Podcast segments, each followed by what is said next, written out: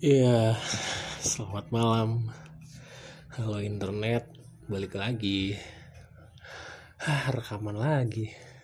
Ya tahulah kenapa. Ya hari ini hari Kamis Agustus tanggal 6 2020. Jam 20.20, jam 8 lebih 20. Ya kali ini aku mau bahas tentang ya keresahanku lah ya biasa ya karena ya karena corona sih. Alasannya corona. Bukan nih. Ya karena seakan-akan tahun ini atau belakangan tahun ini tuh musim tuh musim kawin mulu anjir. Iya kan? Ya mulai dari akhir-akhir tahun aja lah kan musim hujan terus tuh kan ya kan? Ya pasti lah ya.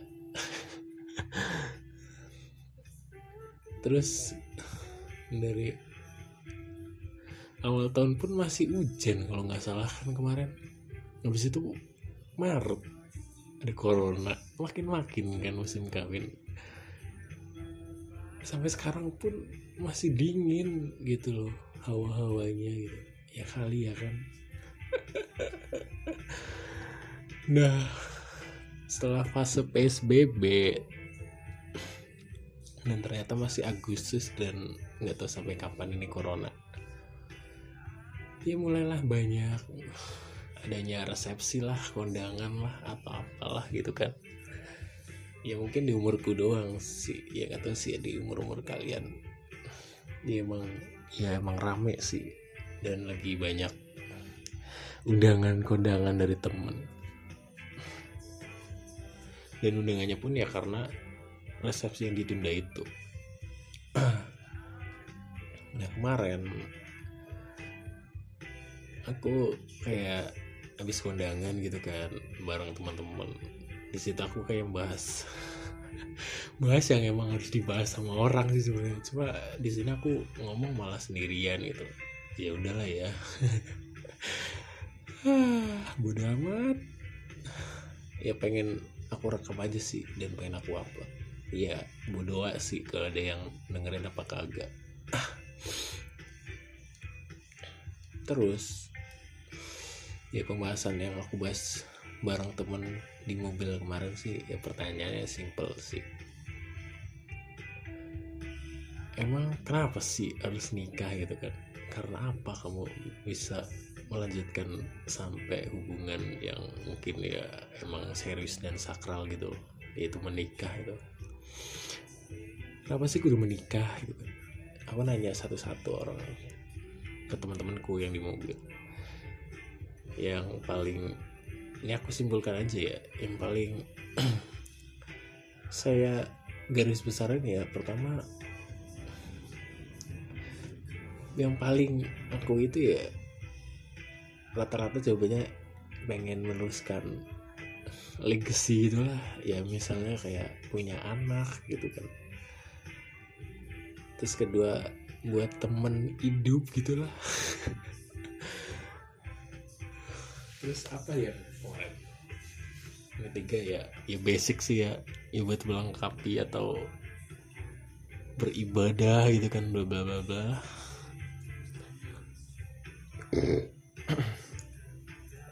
dan apa yang harus dipersiapkan ya so pasti intinya ya siap mental lah siap finansial lah yang yang penting. Yang ya, dua, dua itu sih yang penting banget.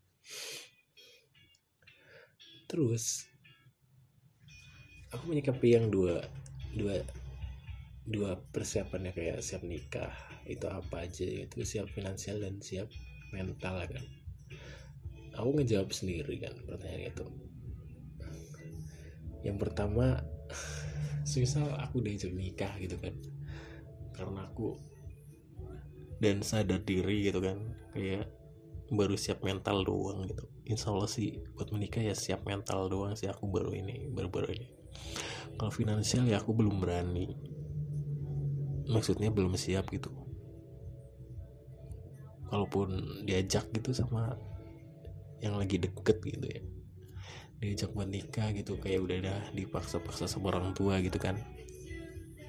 Ya jujur aku semisal diajak gitu ya ya aku mau mau aja gitu asalkan asalkan nih ya. Ya asalkan ya aku jujur gitu loh. Kalau finansialku tuh belum siap gitu loh. Dan insya Allah kalau mental sih insya Allah siap gitu. Ya mertua mana sih yang yang bakal punya mantu yang ngomong kayak gitu siapa sih yang mau gitu kan? Kalaupun dipaksa tetap gitu kan? Dan gak bisa menerima apa yang aku apa yang aku punya gitu kan? Yaitu siap mental tapi bukan belum siap finansial gitu kan? Ya aku mending mutusin aja sih nggak jadi nikah itu mending sakit hati kalau aku ya. Tapi kalau misalnya emang bisa diobrolin gitu kan ya aku sih fan fan aja ya ayo gitu. Kan walaupun ya rezeki kan ya namanya. Kalau finansial kan masalah rezeki kan. Ya cuma kan ya kali kan tambah persiapan gitu kan. Ya kayak semisal punya pekerjaan lah punya dana darurat lah. Kayak punya kendaraan lah gitu kan. Punya investasi lah punya tabungan lah gitu kan. Ya gitulah harapan-harapan kayak siap finansialku sih gambaran-gambaran ya cuma sekarang sih belum belum siap soal itu. Nggak tahu teman-teman yang udah pada nikah ya iya moga aja siap mental siap finansial gitu lah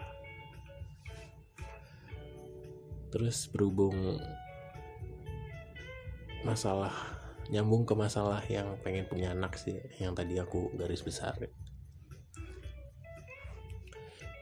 Di situ sedikit aku permasalahkan. Atau ya kesannya sih kayak mengingatkan gitulah ya menurutku sih nggak tahu memang ngingetin apa kagak. Jadi gini kayak jadi kan kalian kalian ini kayak pengen punya anak gitu kan.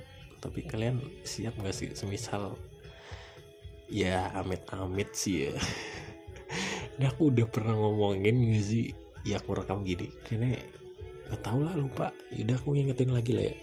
Pokoknya kamu pengen siap punya anak gitu kan yang penting ya siap punya anak ya amit-amitnya aja. Anaknya misalnya kayak kayak yang nggak sempurna gitu loh kayak misal perut cukup apa sih namanya? Ya amit-amit ya cacat fisik atau apa gitu. Apalagi kayak sampai kelainan gitu. Pokoknya amit-amit sih. Nah di situ aku balikin kalian siap nggak sih kalau punya anak dalam keadaan seperti itu? Jangan jangan mikir kayak enak punya anak kayak gimana gimana pulang kerja harus ketemu anak ketemu istri. Ah tai. Jadi setelah aku kayak ngingetin gitu kan. Udah sampai sampai sampai ya kan sekarang kayak teknologi makin canggih modernisasi kayak USG lah 3D bahkan sampai 4D gitu kan ya bisa dilihat aja gitu ya misal kayak emang nggak sempurna gitu misal terus kayak ada cerita juga dari temanku kayak kalau misal kayak emang udah kayak kelainan gitu dan dan dia memang nggak sempurna gitu kan. Ya ada aja sih dokter katanya kan. Ada aja dokter yang jadi apa namanya suruh digugurin gitu ya karena kayak gini siap nggak siap gitu kan. Kalau misalnya emang siap gitu kan ya itu terserah orang tuanya sih. Dan kalau misalnya digugurkan gitu kan ya tega nggak tega lah ya. Di ya di situ lah yang harus kalian siapkan gitu sebelum punya anak. Belum sebelum pengen punya anak sebelum bikin anak. Gitulah masalah setelah pernikahan kan setelah resepsi masalah setelah pengen punya anak gitu itu yang harus disiapkan menurutku. Cuma seakan-akan mikirnya enaknya doang gitu kan pengen punya anak bla bla bla bla bla. dan di situ tuh sempat terbahas kayak mitos-mitos gitu loh. Kayak kemarin kebahas ce- mitos kalau lagi hamil. Suaminya untuk lubang tikus gitu kan katanya. Terus terus kan baginya ternyata adresnya ketutup gitu lah. Terus kayak dipermasalahkan kayak gini oh alah bayi ini ketutup anu bojone wingi terus nutup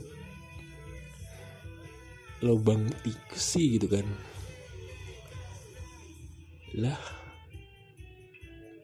emang suaminya sengaja gitu?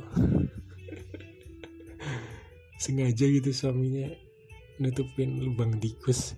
Ya kan gak sengaja kan? Ya kali pengen punya anak yang lubangnya ketutup gitu kan. Ya walaupun emang dioperasi bisa sih ya, cuma kan mitos-mitos kayak gitu tuh yang kayak we. lagian ya masih aja yang percaya gitu. Ngerti kan ya? Ya gitulah pokoknya gitulah. Apa sih?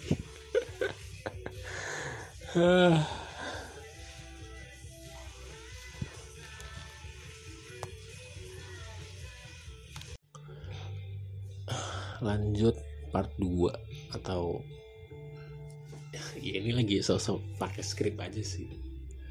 Ya bab 2 gitu kan. Tadi kan bab satu kayak menikah tanda tanya yang kedua dream wedding. Resepsi sekali seumur hidup. Mending resepsi nggak sih gitu kan? Kenapa sih harus ada resepsi gitu kan terus ada yang bilang resepsi nggak harus mahal-mahal ya gimana ya apalagi menyatukan ide dua kepala. Nggak dua kepala doang sih antara suami istri itu tersebut. Tapi antara keinginan dua keluarga. Nggak tahu lah ini sulit banget nggak sih? Ya pengennya ya idealnya pakai win-win solution sih. Ya antara win-win solution kalau nemu sih. Ya harus nemu sih harusnya. Ya pertama kayak misal apa tuh prewed gitu ya foto prewed atau video prewed gitu. Apalagi satu pasangan tapi beda-beda konsep gitu kan. Yang satu pengen yang standar-standar gitu kayak orang-orang lain. Yang satu pengen edgy gitu kan kayak kayak aku gitu. Kayak nggak standar gitu kan kayak ya pokoknya indie lah gitu tai indie. Pokoknya pengen beda aja lah kayak nggak kayak orang-orang lain gitu. Dan yang nggak serius-serius amat gitu kalaupun emang nggak nemu itu win-win solutionnya ya kalau emang punya duit lebih ya harus bikin dua konsep itu. Iya nggak sih? Itu juga termasuk win-win solution sih. Cuma ya rada keluarin ongkos banyak aja. Ini aku lihat dari kenapa aku bahas kayak gini? Ya kan aku lihat kayak private-nya temen lah videonya temen lah. Aku kayak ya standar gitu loh sih menurutku. Ya standar orangnya beda-beda sih. Ya, menurutku ya anjir lah. Hampir semua orang konsepnya gini kok serius-serius amat gitu kan.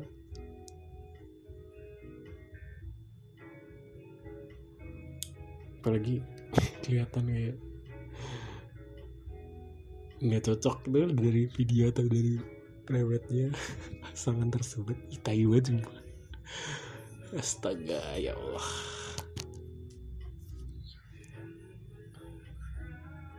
Ya di situ kah apakah penting gitu kan?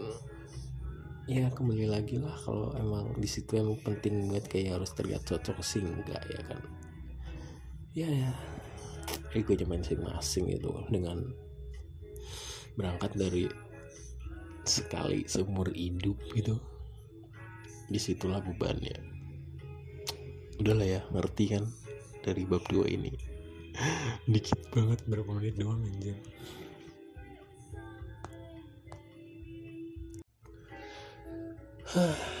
Bab tiga nih. After wedding. After wedding ada apa aja? Ya kehidupan bersama mau hidup di mana di rumahnya siapa. Apalagi beda kabupaten gitu ya. Ya minimal kecamatan lah beda ya.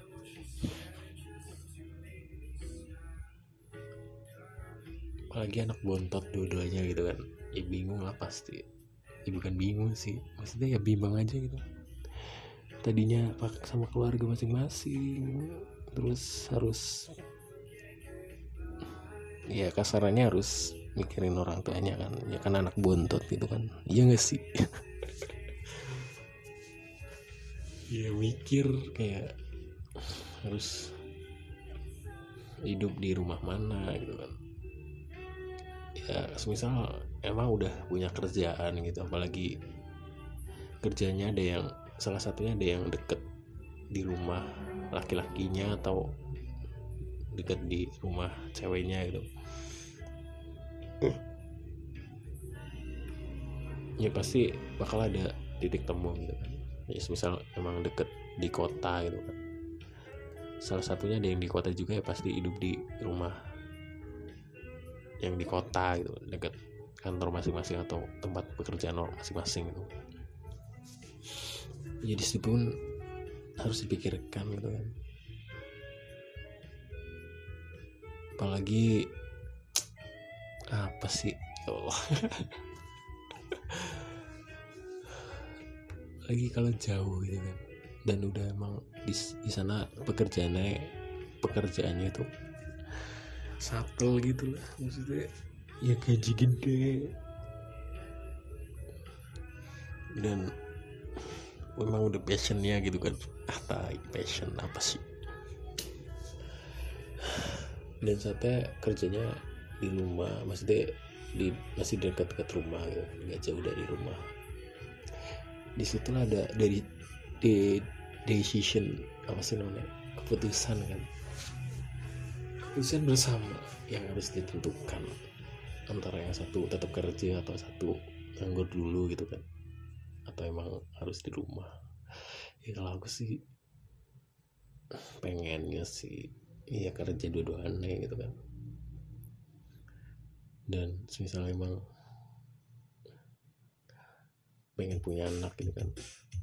Ya salah satunya harus ngalah sih. Dan ya, egonya laki-laki pasti. Laki-lakinya harus kerja gitu kan. Dan keputusan itu kan harus ditentukan dengan ya pekerjaannya yang mana yang paling nyaman dan mana yang paling gede gajinya. Ya nggak sih? Nggak boleh egois ya kan namanya cowok gitu menurutku sih tahu ceweknya kalaupun aku sih kerja di rumah maksudnya jadi papa rumah tangga juga nggak masalah sih aku sih. Jujur ya.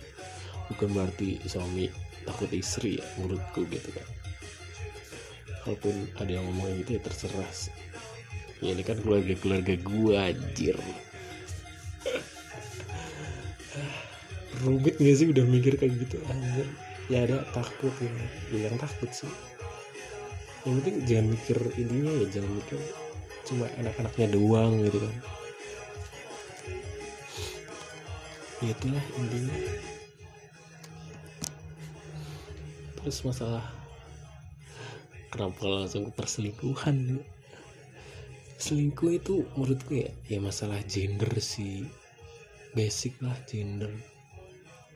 Ya cowok pasti mulai duluan gitu kan cewek pasti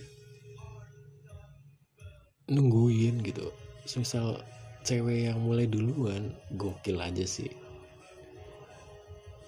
Dan emang berani banget sih. Sebenernya keren sih cuma aneh aja sih misal udah nikah gitu. Ceweknya yang ngechat di luar gitu misal serem gak sih? Dan emang kegatelan aja. Misal cowoknya yang duluin dan ceweknya cewek yang diduluin maksudnya cewek yang dicat cowok duluan itu. Dan tahu kalau misal udah punya keluarga ya gokil aja sih. Ya ceweknya gue juga. Ya tapi cowoknya lah bingung banget. Ya itulah emang udah pengen selingkuh atau apalah itu cheating cheating gitu lah intinya.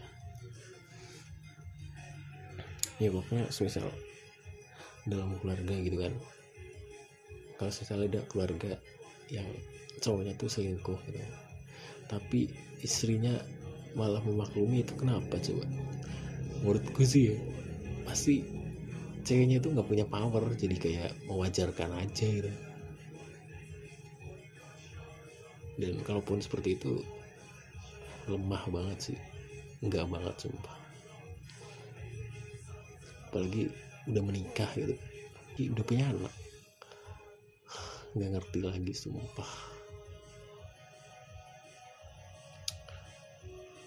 Selingkuh kan ada selingkuh fisik ada selingkuh non fisik gitu kan. Standarnya beda-beda kan. Kalau aku sih. Apalagi setelah menikah gitu kan. Selingkuh fisik udah parah banget sih. Dan emang udah nggak jujur. Dan udah nggak sehat banget. Apalagi aku gitu mending jujur terus sakit daripada diem-diem bohong gitu. Apalagi tahu sendiri sebelum dikasih tahu tapi udah tahu gitu. Nyesek banget sih. Iya mending gitu sih. Ini jujur udah sakit hati. Nggak apa-apa. Udah sok-sok bermuka dua tai lah intinya harusnya sih pernah jadi selingkuhan atau pernah selingkuh atau pernah diselingkuhin itu sih. Intinya gitu yang penting ya merasakan gitu kan. Merasakan pun gak harus dari pengalaman sendiri gitu. Denger dari cerita orang gitu pengalaman orang denger diceritain gitu pun sebenarnya harusnya sih udah ngerti lah gimana rasanya. gitu. Ya yang paling enak jadi selingkuhan sih. Asalkan kamu lagi single gitu. Itu enak banget sih. Dan seru-serunya jadi ngumpet-ngumpet gitu jadi pelampiasannya lah. Terus dengerin dia nangis lah. Ah, tai. Walaupun tahu konsekuensinya gitu ya di situ seru sih.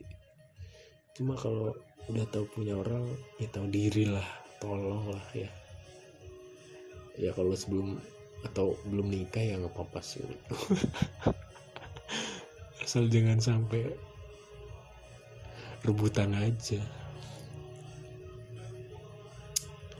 Apalagi sampai berantem gitu. Enggak banget jangan sampai. Kalau sudah udah ketahuan terus sampai dilabrak. Dilabrak dicat doang sih jangan sampai dilabrak temuin sempeleng. Ih apa banget sumpah. Jangan sampai. Udahlah. Segitu doang. Thank you. Bye bye lumayan tiga bab